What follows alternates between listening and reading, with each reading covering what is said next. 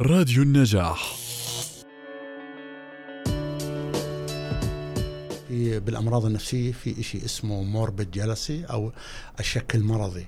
يعني كل كل الناس بيشكوا بالأشياء. بس طالما إنهم قادرين على طرد هذه الأف... هذه الشكوك والأفكار فبتبقى في ضمن الحدود المعقولة. بس يعني إحنا مثلا بين فترة والثانية بيجينا أشخاص عندهم شكوك مرضية مثلا. غالبا هذه الأشياء بتحصل بين الأزواج. إنه بشك في إنه زوجته بتخونه أو إنه وعادة ما تكون مبنية على أسس غير منطقية. يعني إنه مثلا بيجي مثلا بعض المرضى آه، بقول لك والله مرتي مرتي بتخونني نقول له كيف بتخونك؟ بقول آه مثلا أنا بحكي معها كثير بلاقي تلفونها مشغول.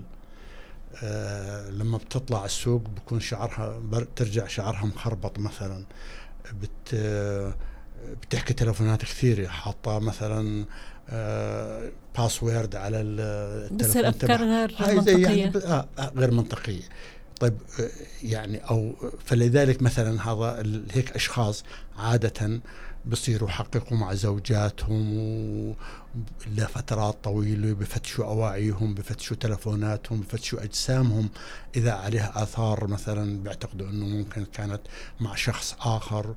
وبدوز مثلا بصيروا يعملوا يفتشوا عليهم على البيت يعملوا بيجيهم بأوقات غير متوقعة مش يعني عادة الناس الموظفين آه، مثلا بطلع على الثمانية وبرجع على الثنتين بجوز هو يروح يرجع على البيت على 11 على 12 يشوف مشان إنها يتأكد. موجودة عشان يتأكدوا هيك.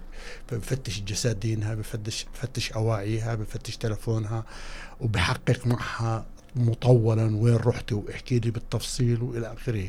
وهذه يعني آه، في الواقع يعني إحنا بين فترة والثانية آه، بنسمع عن جرائم حص- حصلت بين الأزواج. نعم. على الأغلب بكون المحرك الرئيسي والدافع الرئيسي هو الشك المرضي. يعني. والشك المرضي يعني أكيد أنت يمكن راح تسألي عن الأسباب. ممكن نعم.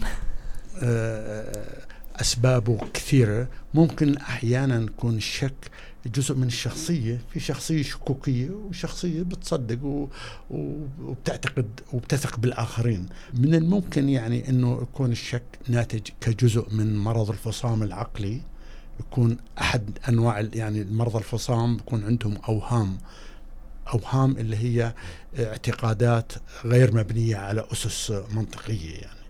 ومتمسك بها الشخص تمسك لا يمكن أن يتزعزع عنها.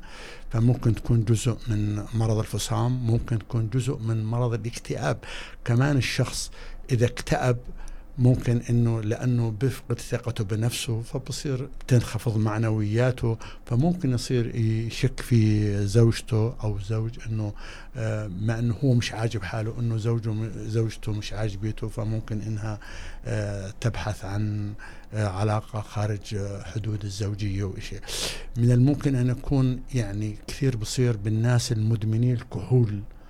كمان آه. ممكن لأنه كمان الكحول بفقد ال- الشخص قدراته الجنسية فبالتالي يعني وكمان لأنه ريحة الكحول دائما بتفوح من الأشخاص المدمنين فإذا كان عنده زوجة طبعا من الريحة من الريحة وهيك شوي ممكن تصده ممكن تبتعد عنه أكيد نعم. فهذا بولد عن عنده آه، الشكوك والشكوك المرضية إنه ممكن إنه زوجته لها علاقة خارج آه، نطاق الزوجية